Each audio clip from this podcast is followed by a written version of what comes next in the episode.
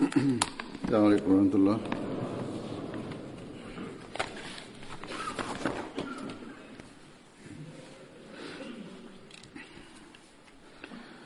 أشهد أن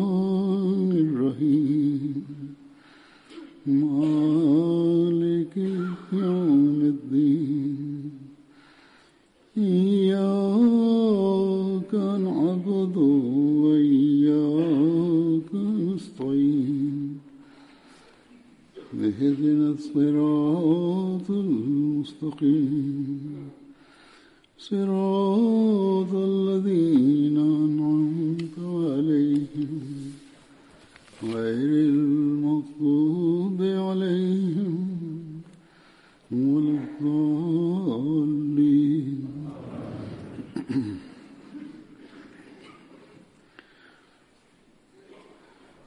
الرحيم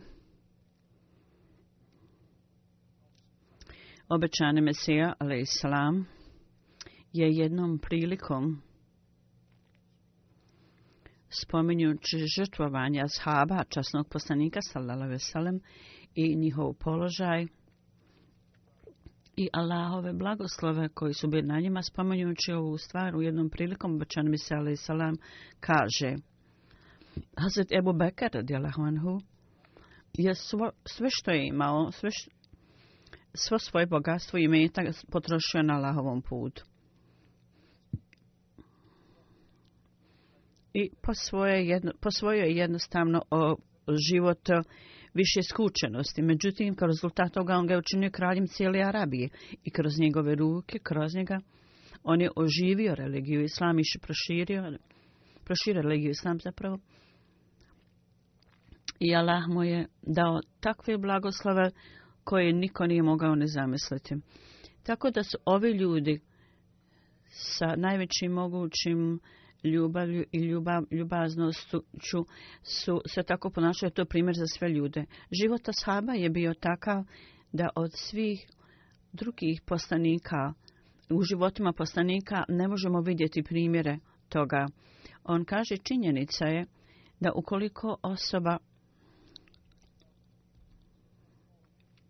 ne odbaci svoje želje i, i, i sebične ciljeve, on ne može se približiti Bogu, nego zapravo bude izgubljen u sebi. Sve sebična, sav sebični ego i želje, kad on sve to odbaci i ostavi ih, onda čovjek dolazi Allah čistog srca, onda Allah Đerašanhu sigurno daje čovjeku mnogo. Mnogo i Allah Đelešanu drži njegovu ruku. Međutim, uvjet je da čovjek treba da bude spreman da umre na Allahovom putu, jer Allah Đelešanu je taj jedini koji ostaje za uvijek, a svako će napustiti ovaj svijet i sve slave I kaže, život je stvar koja će nestati, čovjek će nestati, neće ostati zavijek. Međutim, ukos toga uživaju oni ljudi koji žive radi Allaha.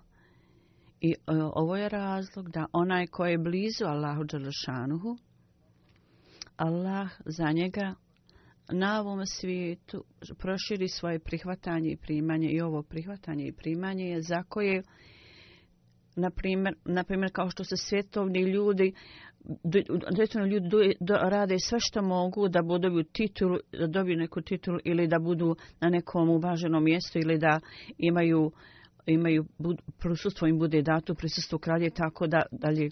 Međutim, ove stvari budu date samo onim ljudima, bude data slava i blizina Allah koji radi Allaha Đelešanhu, koji su spremni da radi Allah sve napuste. Ne samo što su spremni, nego zapravo oni napuste sve radi Boga svrha je da oni koji sve napuste radi Boga bude im dato sve. Kad je sjetio većan mese na tom skupu, kad je ovo rekao, u drugom navodu se u izvištaju ove riječi se tamo nalazi i kaže da radi svjetovnih vlada, ako neko uradi na što bude nagrađen za to, normalno vidimo ove stvari, da šta god dadnete i radi, uradite nešto, budete nagrađeni za to. I onaj ko sve dadne radi Allaha, zar onda ne treba da dobije nagradu za to? I on kaže, ljudi ne umru ukoliko ne dobiju mnogostruko onoga što su dali na Allahovom putu. Allah Đelešanhu ne, os, ne, ne ostaje dužan nikome Međutim, ljudi koji u istinu znaju ove stvari, vrlo je mali broj, to je vrlo tužno. Slično tome, oni ljudi koji pokazuju ovako, ovako na ponašanje i stavi, vidimo da primjer ovakvih ljudi je vrlo iznenađujuće da vidimo primjer koji oni pokazuju. Duhovna moć časnog poslanika, sallallahu alaihi sallam, je bila takva da ni on da on on nije samo podijelio promijenio pravac kako su oni živjeli arapi nego nego je promijenio kompletno njihov pravac od ljubavi prema svijetu da steknu ljubav prema Allahu. I Allah im je dao takvu visinu i visoke položaje da čiji primjeri se ne mogu naći u svijetu. A se to obječana Mesija, ali i salam, kako prelijepo je on dao ovaj primjer njihove visine. Kaže njihov standard ljubavi, njihov standard žrtvovanja se ne može naći u životima prethodnih poslanika, nijedan takav primjer što se tiče sljedbenika, poslanika.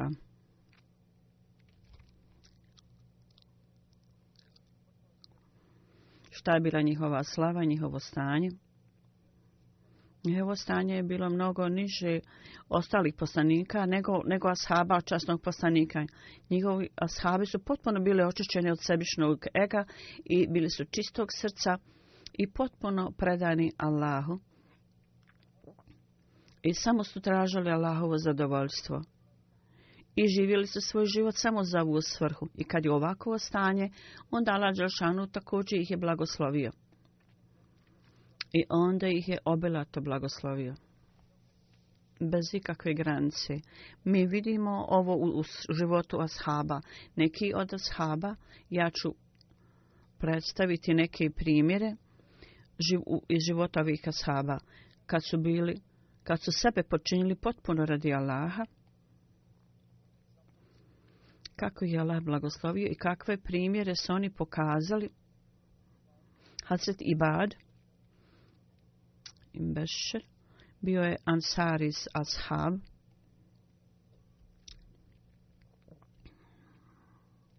Sa skoro 35 godina je postao musliman i njegov ibadet i učenje časnog Kur'ana su bili tako u jednom događaju. Hazret Ašer radijala Huanhu kaže u jednom hadisu, kaže jednu noć, neko je prenio kada je Hazreti Aisha rekla da jednu noć ona, poslanik je ona ustala na tahođu namaz i časni poslanik je slušao iz obližnje džami učinje Korana. Časni poslanik Salveselem je vrlo rano ustajao.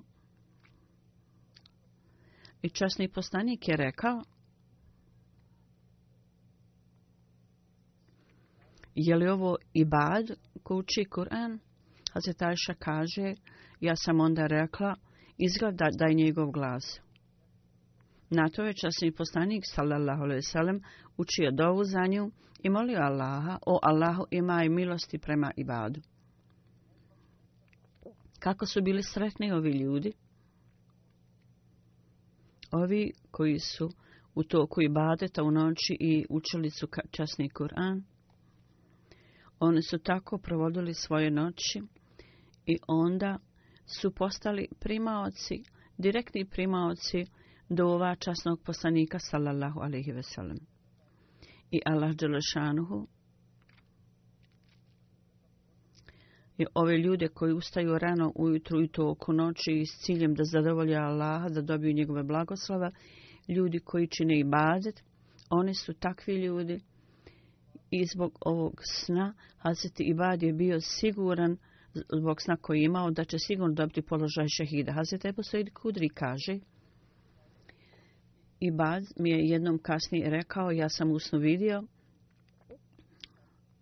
kako nebo, kao da su oblaci raspolovljeni i ja sam ustao gore i pridružio i zajedno. I kaže, zbog ovog sna ja sam siguran da da će, ako Bog da moj kraj, biti eh, da postanem šahid, da ću biti ubijena u Medeligi. I ovaj san je bio ispunjen u vrijeme bitke i on je se borio sa velikom hrabrošću i srčanostu. Kad se borio s neprijateljima, onda njegova grupa u kojoj su svi bili Ansar, Ansar su dobili pobjedu Međutim, on je tamo bio ubijen. Hazret Zaid kaže, posle bitke mi smo vidjeli, nismo mogli prepoznati njegovo lice zbog rana od sablje. Samo sa jednog znaka njegovog tijela mi smo prepoznali da je to on. I onda Tarih nam te također rekao još jednom ashabu. Njegovo ime Haram bil Ilham. Ovaj mladi čovjek je poučavao časni Kur'an mlade ljude, omladinu, i također je bio na čelu služenja ashabima. Kad je Beni Amir, kad je delegacija iz Beni Amira došla, tražili su časnog poslanika i molili su ga da pošalje neke ljude da im pomognu u širenju poruke Islama i da budu u stanju da saznaju o Islamu i da kaže naši ljudi onda uđu u Islam, tako su rekli. Njihova namjera u to vrijeme bila loša, Međutim, oni su ovo tražili od časnog postanika. Oni nisu bili pouzdani ljudi. Iz tog razloga časni poslanik je rekao Ja se bojim vas, ljudi. Možda će vaši ljudi uh, navesti, nanijeti neku štetu i povredu o ljudima koje ja pošaljem. Ona to su oni rekli on, o, njihov neki čovjek, predsjednik je došao, nije primio islam, kaže ja preuzmem odgovornost. Rekao ja preuzmem odgovornost. I kao o, rekao on će biti pod mojom zaštitom i brigom. Časni poslanik je poslao delegaciju ovim ljudima. Haram bil en ham je bio u toj grupi. Kad je ova delegacija tamo stigla, Hazreti Hram sumnjao da nešto tamo nije u redu, da je to pogrešno nešto na, da nam, i da namjera ovih ljudi nije dobra. Tako da je rekao svojim ashabima, mi treba da poduzmemo neke mjere i oprez i ne trebamo ih sve okupiti zajedno. Je, ili da oni ne trebaju biti zajedno svi, nego kaže mogu nas sve zarobiti i povrediti nas ja ću ići, rekao ja ću ići e, tamo, sedim s ashabom, ako nas budu lijepo tretirali, vi onda možete doći kasnije, to je bio dogovor. Ako nam oni nanesu neku povredu, onda vi možete odlučiti u skodu sa, sa situacijom kako ćete odluku doniti, hoćete li se vratiti natrag ili ćete se boriti sa njima ili ćete ostati. Vi treba, ćete, trebate donijeti onda odluku u tom slučaju. Tako kad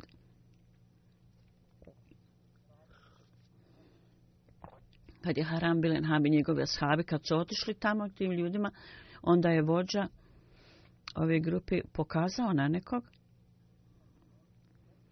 i oni od, od, od, od, od traga napao ali hrama i, i č, iz njegovog vrata je pljusnula čitava uh, lokova krvi i oni uzeo uzeo uzeo krvi u svoju ruku ovaj ubica i rekao tako mi Boga Kabe ja sam bio on je, on je rekao prije što je bio ubijen, to rekao, tako mi Boga Kebe, ja sam uspio. Znači, stekao sam život šehida. Oni su onda kasnije napali, napali sve ljude, i sedam, sedamnaest ih je bilo i sve su ih postepeno ubili.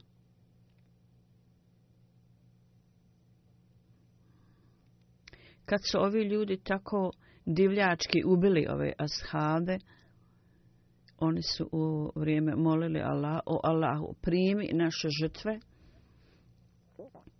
i da čovjek sazna o našem stanju, da, da časni postanik sazna o našem stanju, jer za nas nema potrebe da damo obavištenje. Tako da je časni postanik, sallalahu vesalem, Hazreti Džebrail mu je došao, i prenio selam svih ovih ashaba i rekao časnom poslaniku detalje u njihovoj situaciji. Časni poslanik je obavijestio ostale ashabe da su svi ovi ljudi bili ubijeni. 17 ashaba, kao što sam rekao,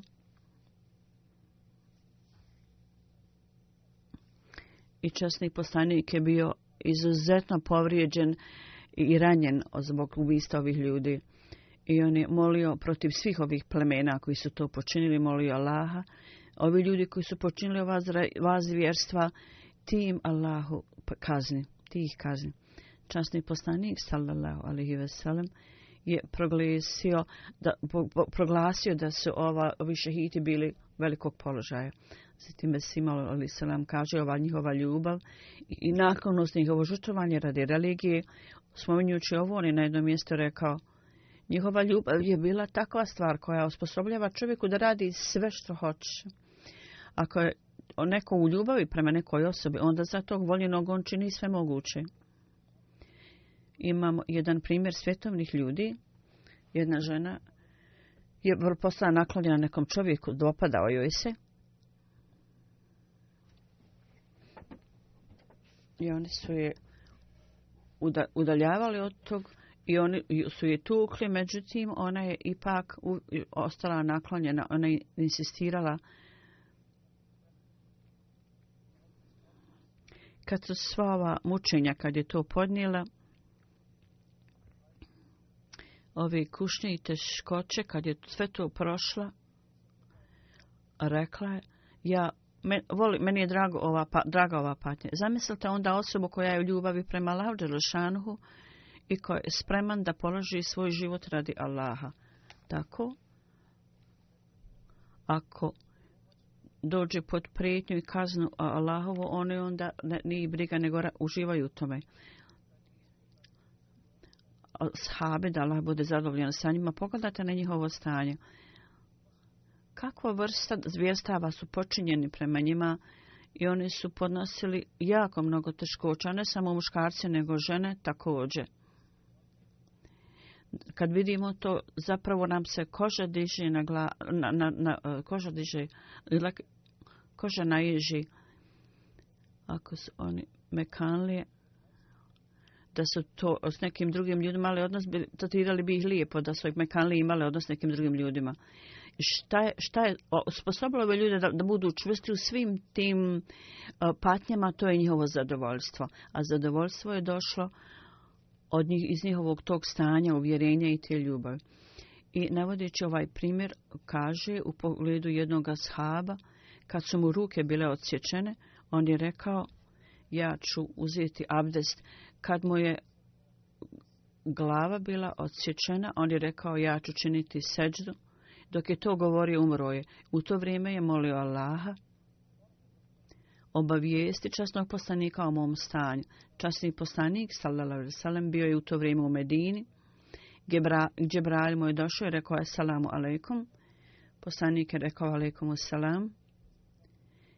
I časni poslanik je obavijesti na ovom događaju i rekao je poslije ovog ukusa i užitka koju osoba primi poslije na ljubavi obrema Lađešanu, onda je on spreman da bude skršen kao malince, kao što su ashabi rekli, kao što taj ashab rekao, u ime gospodara Boga Keabe, ja sam bio uspješan, ja sam ostvario svoj cilj, dakle postao sam šahid, ovaj prejtoni ashab. Dakle, sve su teškoće ču, teške, teškoće ču, međutim, za mina muslimana je to sve lako. Međutim, pre, vjernik je uvijek spreman da bude ubijen.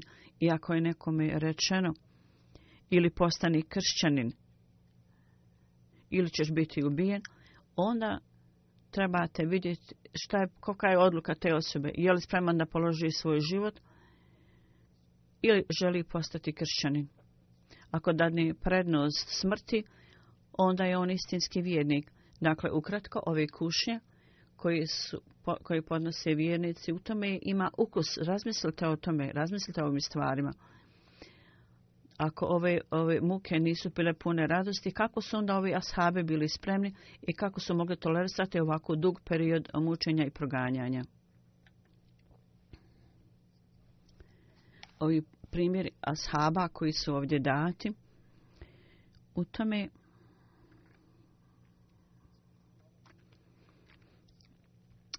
je primjer da kako je časni postanik ubrizgao takav duh u njima, u njih, da u vrijeme smrti oni su govorili, tako mi imena gospodara Kjabe, ja sam bio uspješan da budem ubijen na lahovom putu. Znači, ovo su bili ljudi koji su bili vrlo pobožni, činili su dobra dijela. Onda oni su bili podvinuti svim mogućim proganjanjima i mukama. Onda, radi religije, one su dali žrtve, podnijeli sve žrtve. A ne da su oni sami postali pro, progontelji kako što ne, kao što neki ljudi počnu to da rade i, i ka, počnu pa, mučiti druge ljude i kažu mi ćemo ići u džennet. To, ovi, ovi ljudi nisu bili takvi. Oni su uvijek se borili protiv nepravde. Oni nisu širili nepravdu. I onda Hazret Abdullah bin Amar, on je također bio ansari s ashab, o njemu je spomenuto da kad je išao u, na ubitku na Uhudu, on je rekao svom sinu, ja ja ću biti ubijen, postaću šehid prije drugih ljudi, vjerovatno mu je Allah najavio usno, i rekao, posle moje smrti treba da paziš na svoje sestre. Znači na njegove kćeri. I rekao, ja sam uzeo određeni zajam od jevreja, tako da treba da platiš taj, taj e, da sa zajem od, od hurmi iz bašte koje imam. Ovo je bila njihova ljubav prema Allahu, njihovo bogobojaznost i čistoća i ispunjavanja dužnosti prema drugim ljudima. Ovo je bio njihov standard koji su oni pokazali. On je išao u bitku, a nije se borio o svom vladinu, svom sigurnosti i životu, nego je bio zadovoljan i sretan i, i sam išao, ajmo, ja idem da budem od onih ljudi koji će prvi biti ubijen i postaću šehid od svih drugih ashaba. Nje, on se nije bojao stvari da i da kaže, o ja imam odraste kćeri, ja treba da ispunim dužnosti u, u pogledu njivezano za njih. U pogledu tog treba da se oslonimo na Allah i on se oslonio na Allah i onda je savjetavo svog sina i rekao ti treba sada da uh, budi sada starješina porodice i ti treba da ispuniš ove dužnosti i da povedeš brigu o svojim sestrama. U pogledu zajma, on je rekao, ja sam pozajmio neke pare od jevreja. Ja ne tražim od tebe da ti platiš taj dug, nego ako Bog da inšala, od prihoda iz bašte, bit će napravljen aranžman i ti samo plati od tog iznosa ja vam ovo govorim, ja ti ovo govorim kao od, da prezmiš odgovornost, otac je rekao sinu, jer Allahova je naredba da je vrlo važno otplatiti zajem. Poslije toga onda će ti biti primavac mog nasljedstva koji ti pripada od, od bašte vjerovat. Hazreti Abdullah Vlahova ubijstvo, kako je Allah Đelšanuhu blagoslovio ovo ubistvo ovog šehida. Spomenuto je da je sin Hazret Abdullaha, kad mu je sin bio vrlo tužan, časni poslanik, nakon izdavanja saučešća rekao je, ja želim da ti kažem nešto što će ti biti vrlo drago i ugodno, rekao je, Allah Đelšanuhu, tražio od, od tvog oca da sjedni pred Allaha posle, nego što je postao šehid, I Allah mu je rekao, reci želju, ja ću to ispuniti. Hazreti Abdullah je molio Allaha i rekao, o moj gospodaru, moj Allahu, ja nisam ispunio dužnost, pre, po, pokornost, po, pokornost i kako onda mogu iznijeti tebi želju. Tako, standard žrtvovanja je, uprko što se žrtvovo on, ni, on je rekao, ja nisam ispunio svoju dužnost, pokornosti tebi podložnosti te. Kako je onda moguće da ja izrazim onda svoju želju?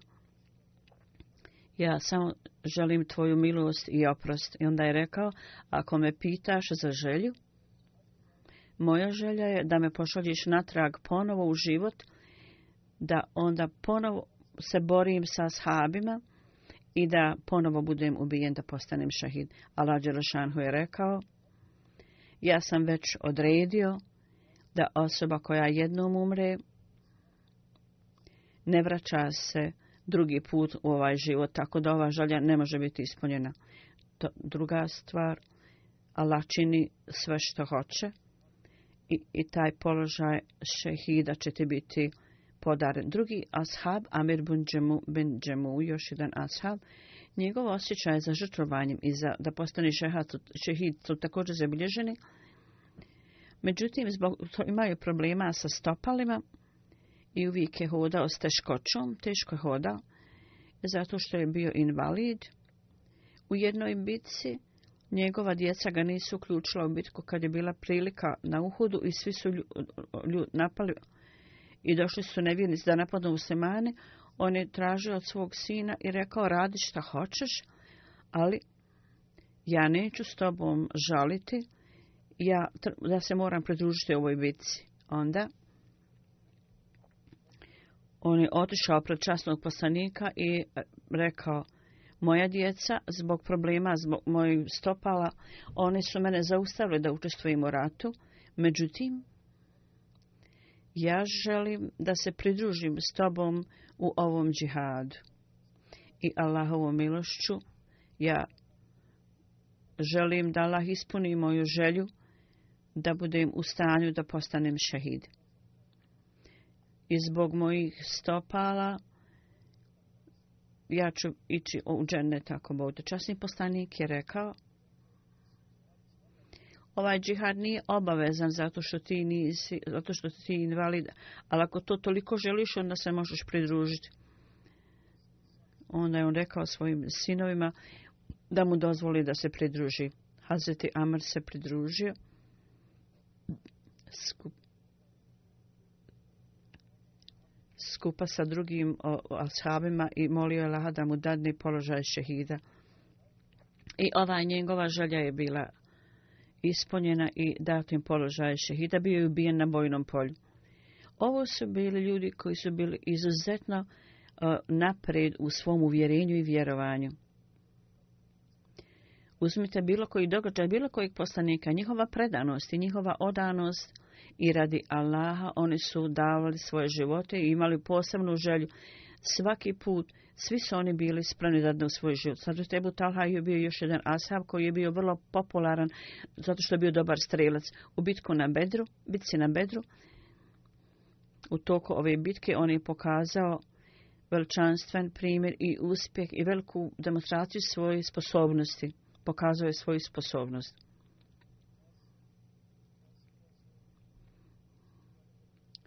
kako, pošto je bio vrlo vješt u korištenju strele i, i da nacilja metu, tako u bitci na Uhudu časni poslanik sallallahu alejhi ve sellem imao on je imao čas da sta, stoji ispred kao štit ispred časnog poslanika Hazreti Talha je stavio svoje ruke ispred lica časnog poslanika i ovo je bio Ansari Abu Talha i ovaj čovjek također ova osoba također imao je čast da pokaže svoju hrabrost i srčanost pred časnim poslanikom bez ikakvog straha, on je stajao na najopasnijim mjestima, tačkama i on je obavljao ove stvari, štitio je časnog poslanika i neprijatelji koji su tijeli da dokraje čunište islam, on je smatrao da treba da se s njima lično suoči, da se baš s njima suoči.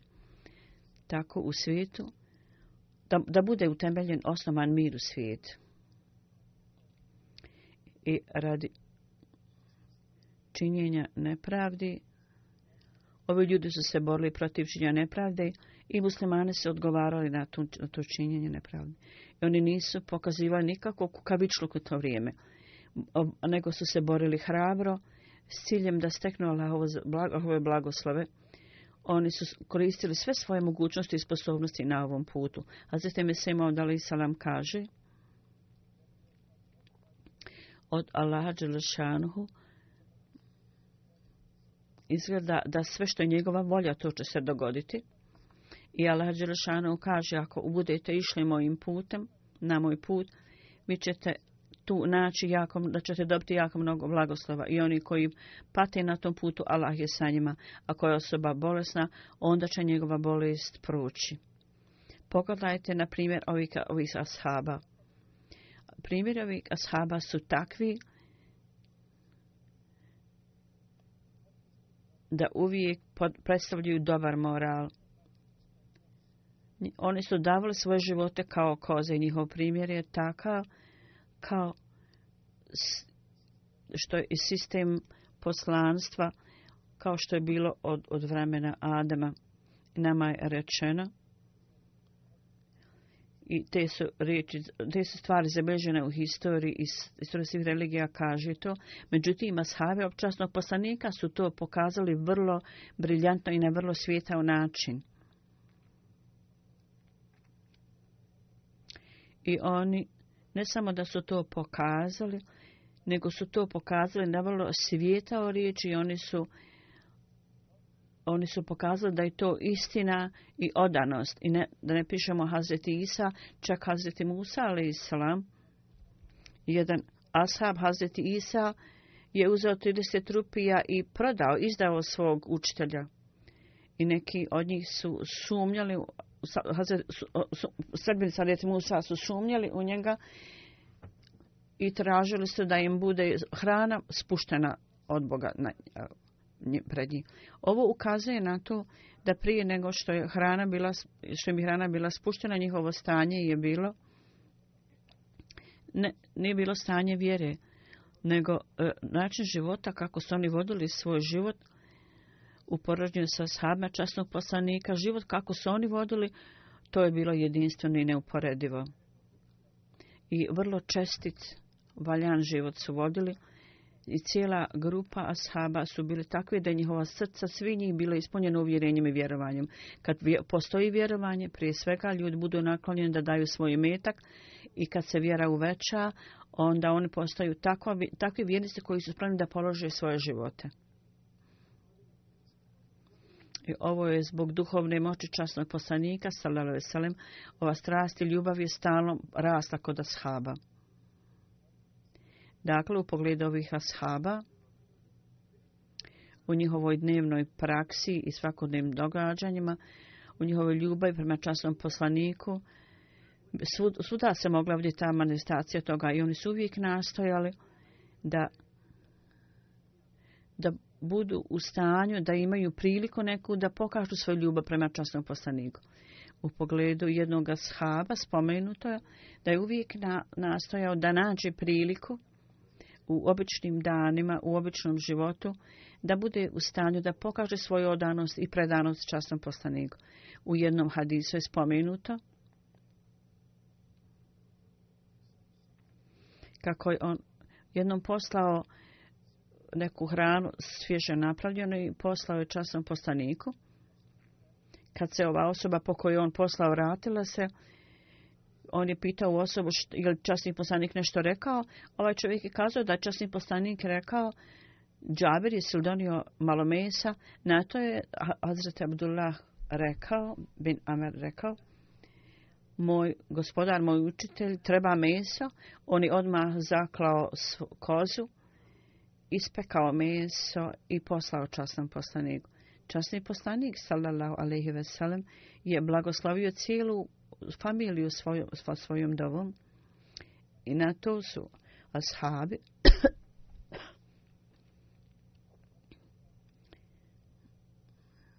Na početku oni su se suočili sa teškoćom da prenose poruku s nama svojim rodbinom i porodicom i imali su neki teškoća ako su neke familije promijeli, primili islam, ostali su i mučili ili mučilini zato što su primili islam i tako dalje. Hazreti Džamu kaže da njegov sin primio islam prije njega i otac je bio idolopoklonik. I s ciljem da prenose poruku islamu nije bilo drugog načina jer on nije bio voljan da išta sasluša i primi. Tako da je sin našao svoj način i velika, veliki jedan kip koji je bio ukrašen u kući, on je uzeo to, taj kip i bacio ga u smeće u toku noći. Kad je Amir Binđamu tragao za tim kipom i našao ga i vratio ga natrag, sa velikom ljutnjom bio je jako ljut i rekao je, ako iznađem ko je ovako postupio prema mom kipu, ja ću ga jako kazniti. Narednog dana sin je uradio isto to i taj kip isto bacio i ponovo njegov otac ga je našao tu i tamo. Tako konačno Hazreti Amar je očistio tu taj svoj, taj svoj kip i ukrasio ga iz skupa, uz kip stavio svoju sablju i rekao kipu, ja ne znam ko ovo sve radi tebi, ali sada ja stavljam sablju s tobom, tako ako neko dođe i postupa prema tebi loše, onda upotrebe ovu sablju.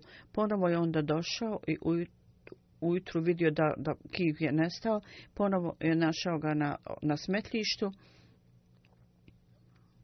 I onda je počeo razmišljati i rekao, ja, kip koji ja smatram da je Bog, on nema čak, Bog nema čak hrabrosti da uprkos što mu sam mu dao sablju da mu bude dostupno, on nije mogao da se odbrani. Kako će onda mene zaštititi?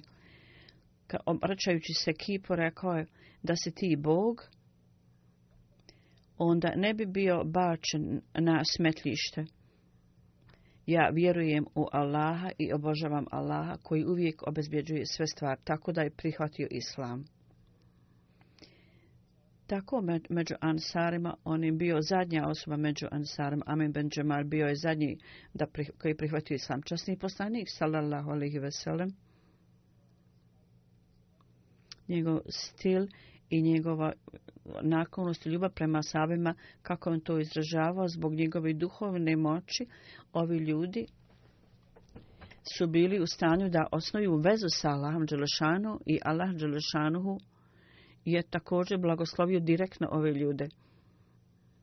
Ili kroz časnog poslanika, sallala veselem, neki blagoslovi su mu dati, su im dati. Ovo je također spomenuto i ovo pokaz, također pokazuje visoki položaj ashaba. Binibil i, i Kam, on se također, također uživa poseban položaj.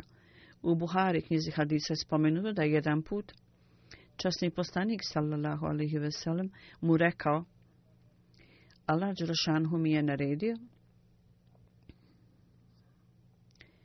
i rekao, uči mi časni Kurani. Časni postanik je rekao, Allah Đelšanu je tražio od mene da, ja, da mu ja učim Kur'an.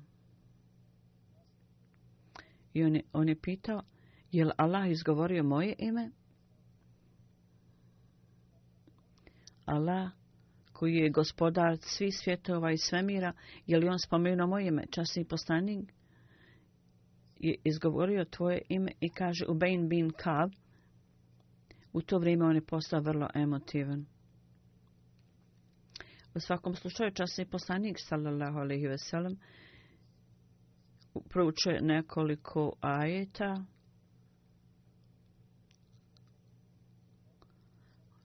i ta sura s kojim su oni došli, oni to proučuju kad je bin i kap kasnije upitan, nekoga je pitao, ti si bio vrlo tog dana sretan i zadovoljan. On je rekao, kad je Allah Đelešanuhu je rekao, kad budete spomenjali, sjetili se lavi blagoslova, budete sretni onda.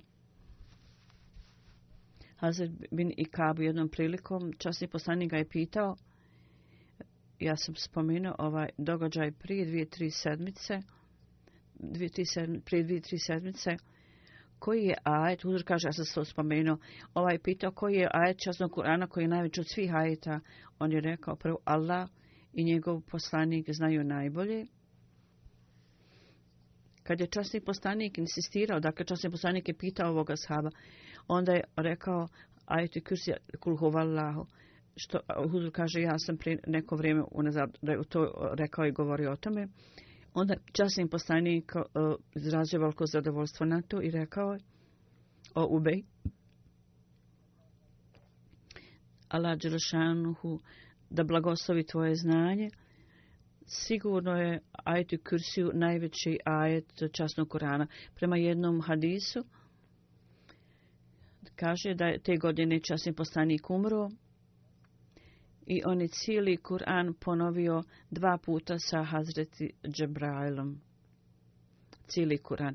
I Hazreti Džebrajl je dolazio i poučavao ga časnom Kur'anu i Hazreti Ibrahim je dolazio i poučavao časni Kur'an i ovi ashabi su postigli visoki položaj. Hazret Mesimo da li se nam o njima kaže, kao što je pa napredak postepan, zato je i napredak ashaba bio vrlo postepen i kaže, gledajući na primjer, ashaba, častni postanik, stalo veselem, je želio da oni dostignu najviše stepene napretka.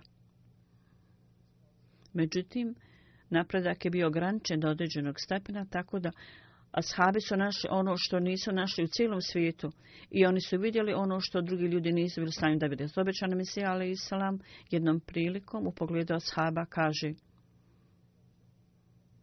Ako pogledate na vrijeme ashaba časnog poslanika, ovi ljudi su vrlo jednostavni bili i vrlo skromni. Baš kao što o, za kuhanje posuda, kad je očišćena, postaje sjajna. Tako su bila srca ovih ashaba oni, oni su bili svijetli, i oni su imali svjetlo znanja, a svjetovne strane nisu bi, svjetovne strane nisu bile prisutne kod njih, oni su potpuno bili udaljeni od toga.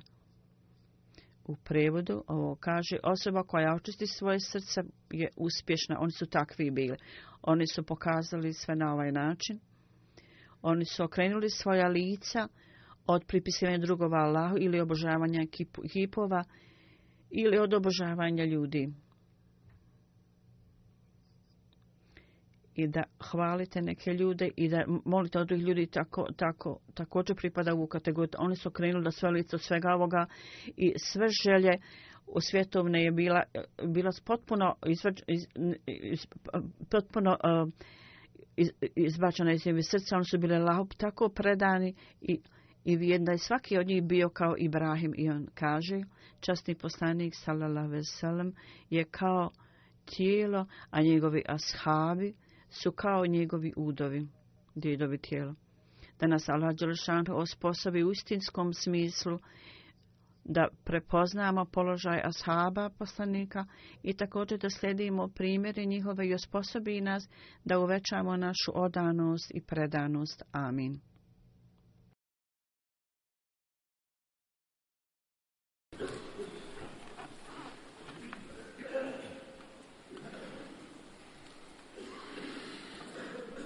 الحمد لله الحمد لله نحمده ونستعينه ونستغفره ونؤمن به ونتوكل عليه ونعوذ بالله من شرور انفسنا ومن سيئات اعمالنا من يهده الله فلا مضل له ومن يضلل فلا هادي له ونشهد ان لا اله الا الله ونشهد ان محمدا عبده ورسوله عباد الله رحمكم الله إن الله يأمر بالعدل والإحسان وإيتاء ذي القربى وينهى عن الفحشاء والمنكر والبغي يعظكم لعلكم تذكرون اذكروا الله يذكركم وادعوه يستجب لكم ولذكر الله أكبر